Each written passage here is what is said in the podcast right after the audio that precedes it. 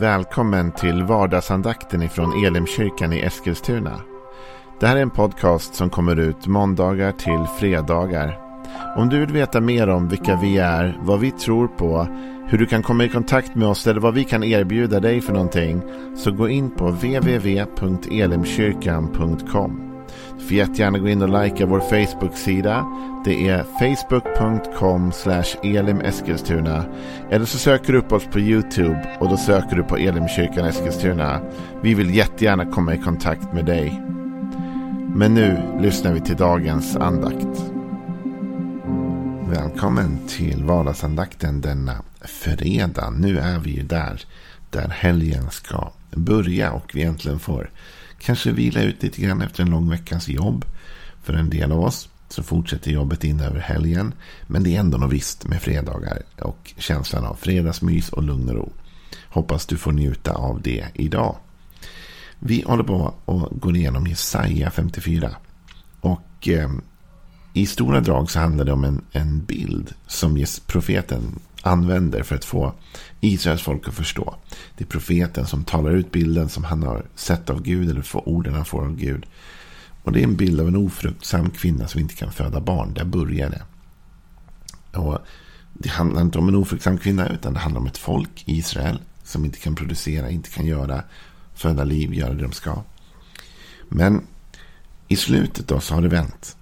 Och nu har vi kommit så långt in i salmen att eh, saker och ting har förändrats. Gud har uppmanat dem att gå i tro. Och så börjar han tala om att hon kommer få barn. Och nu ska vi tala lite grann om de barnen och vad Gud lovar de barnen. Och jag hade tänkt egentligen göra det här på en vardagsandakt.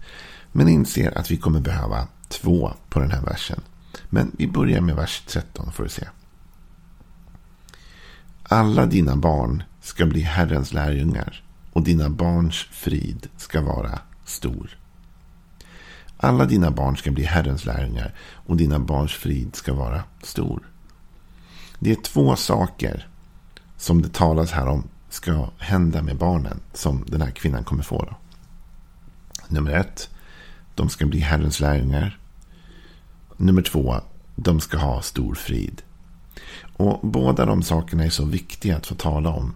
Och jag tror att det är något som vi längtar efter att våra barn ska leva i frid och ro och må bra. Så det vill jag spara till måndag. Det får bli en cliffhanger. När vi på måndag ska tala om att Gud vill låta dina barn leva i frid. I ro. Och det finns vägar dit.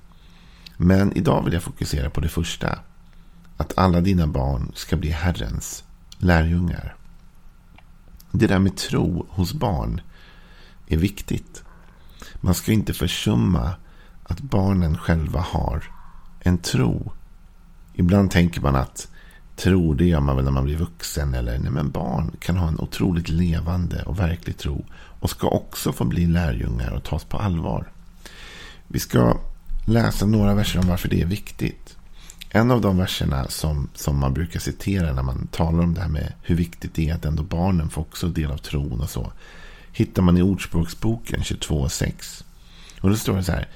Vänj den unge vid den väg han ska vandra. Så viker han inte av ifrån den när han blir gammal. Det här är ju eh, intressant. Va? För här talas det om att vad vi planterar in i våra barn också blir del av deras framtid. Och det här gäller ju inte bara tro, det här gäller ju allting egentligen. Som Ordspråksbokens författare talar om. Att, att, vi ska, att det är vår uppgift va? Att vänja våra barn vid den rätta vägen. Den väg de ska vandra. Eh, och en del kanske tänker att ja, de ska hitta sin egen väg. Ja, det är sant i många avseenden såklart.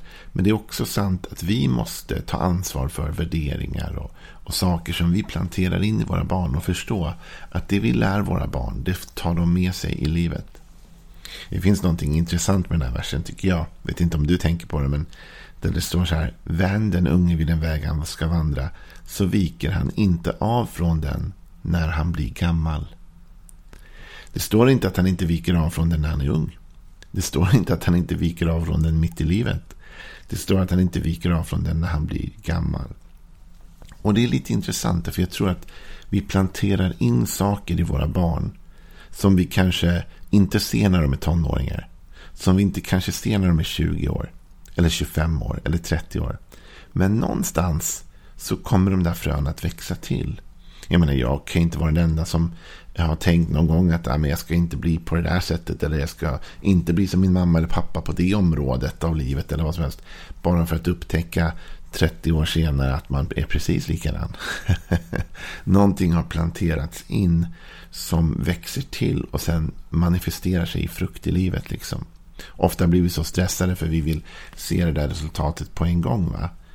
Men här står det att de här värderingarna kommer ligga som grund när vi blir gamla. Det vi har fått planterat i oss som barn.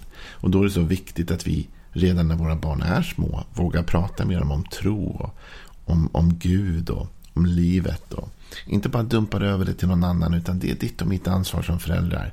Att faktiskt leda våra barn och plantera in i deras liv de här sakerna.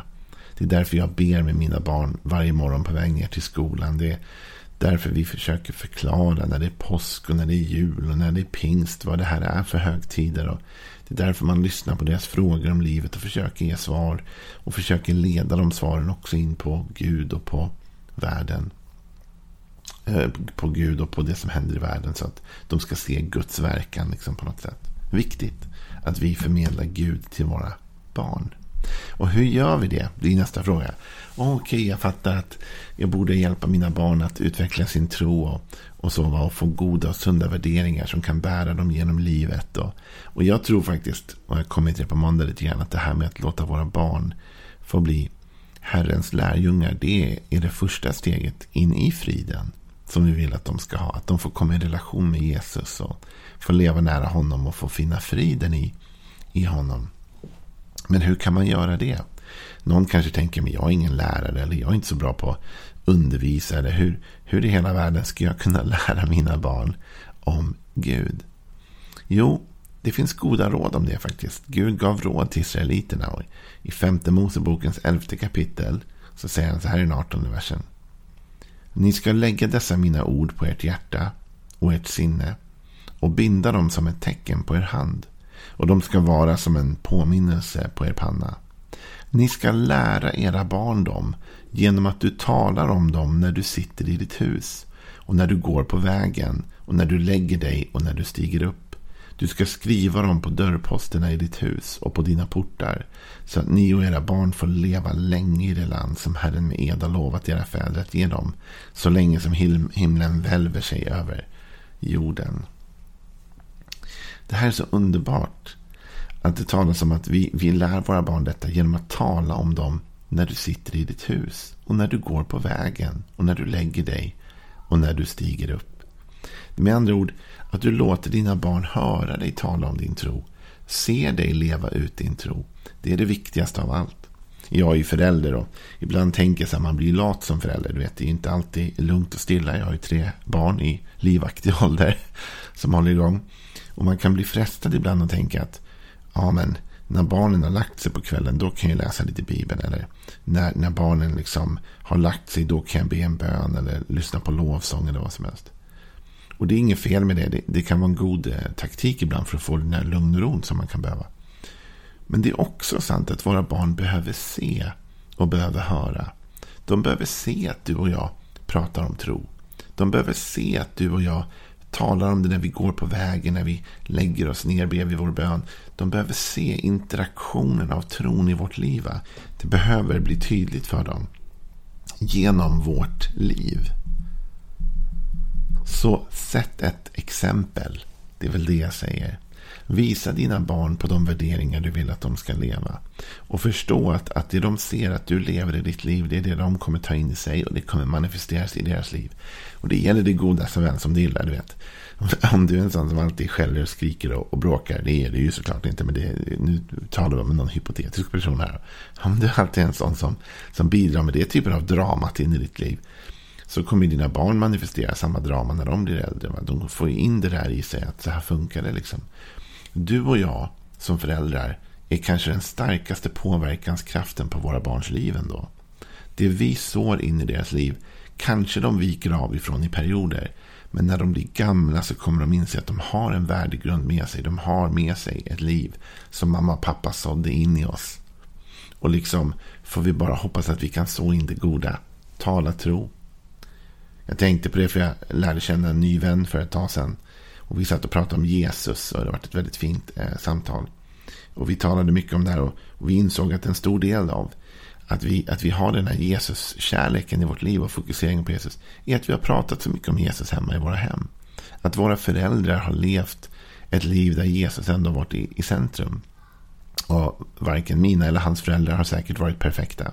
Men de har ändå levt för Jesus och gett oss barn ett exempel att följa. Och det är någonting som sedan manifesterar sig i livet. Och till dig som känner, att jag försökt och mina barn har ändå valt en annan väg. Lyssna, de kanske viker av en tid. Men Bibeln talar om att när de blir gamla så hittar de tillbaka igen. Alltså, de viker inte av sen.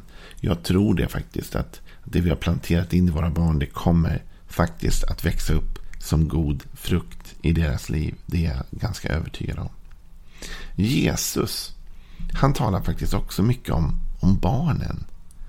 Eh, och på ganska fint sätt. Och i, I Matteus kapitel 19 till exempel. Så står det så här om, om Jesus då. Att, I vers 13. Sen bar man fram barn till Jesus för att han skulle lägga händerna på dem och be. Men lärjungarna visade bort dem. Då sa Jesus, låt barnen komma till mig och hindra dem inte, för himmelriket tillhör sådana som det. Och han la händerna på dem och gick sedan därifrån. Det finns så mycket fantastiskt i den här lilla versen. Men kanske det jag vill ge dig idag ifrån den är att Jesus tar barnens tro på allvar. Och lärjungarna gjorde inte det. Men Jesus han gjorde det.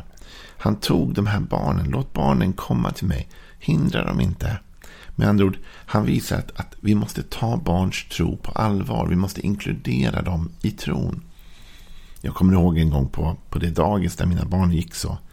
Hade de gått till, till, skulle de gå till en kyrka. Och det var inte ett kristet dagis utan, eh, utan det var ett vanligt då. Och föräldrar, eh, fröknarna var lite oroliga för det där. Så de hade väl sagt så här ungefär att Ja, men det är lugnt för vi har sagt, för de skulle titta på något julspel. Och då sa de, ja men det är lugnt, vi har sagt till barnen att det här bara är sagor. Och då sa jag, men ja, jag förstår hur ni tänker och så, men, men för mina barn är inte det här sagor. De lever med en tro och de ber till Jesus varje dag. Eh, och det där är viktigt, va? att vi visar barnen att, att deras tro är på riktigt. Va? Jesus, han bekräftar deras tro. Låt dem komma, låt dem vara en del av detta. Ja, men de kanske stör i gudstjänsten eller stör när de springer. Men låt dem komma.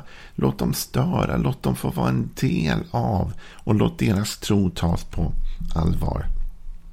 Ett av de sätten jag gör det här hemma ibland är att försöka inkludera mina barn i, i olika eh, trossituationer. Till exempel en sån här enkel sak, okomplicerad eh, eh sak som att jag vet att vid något tillfälle har haft ont i huvudet eller någonting har varit så har jag sagt ibland till min grabb eller min dotter eller någon, alltså någon av mina grabbar eller min dotter. Hörru, kan inte du be en bön för pappa? Han har ont i huvudet. Skulle du kunna be för mig? Och så kommer de fram och lägger handen på en och ber för en. För de har sett att man gör sådär. Och, och då tar man deras tro på allvar. Va? Man tänker sig, det behöver inte bara vara en vuxen som kan be för mig. Ett barn kan be för mig. Du kan be för mig. Och så visar man dem att jag värderar din tro. Man, man talar med dem och när de ställer frågor om tro så lyssnar man. Och när de vill dela något då, då är man närvarande i den stunden och tar tron på allvar och raljerar inte över barns tro och tror inte att de inte kan. Faktum är att Jesus går så långt ifrån det som man nästan kan när han faktiskt lyfter upp barnen som ett exempel för dig och mig. I Matteus 18 så säger Jesus här i vers 1.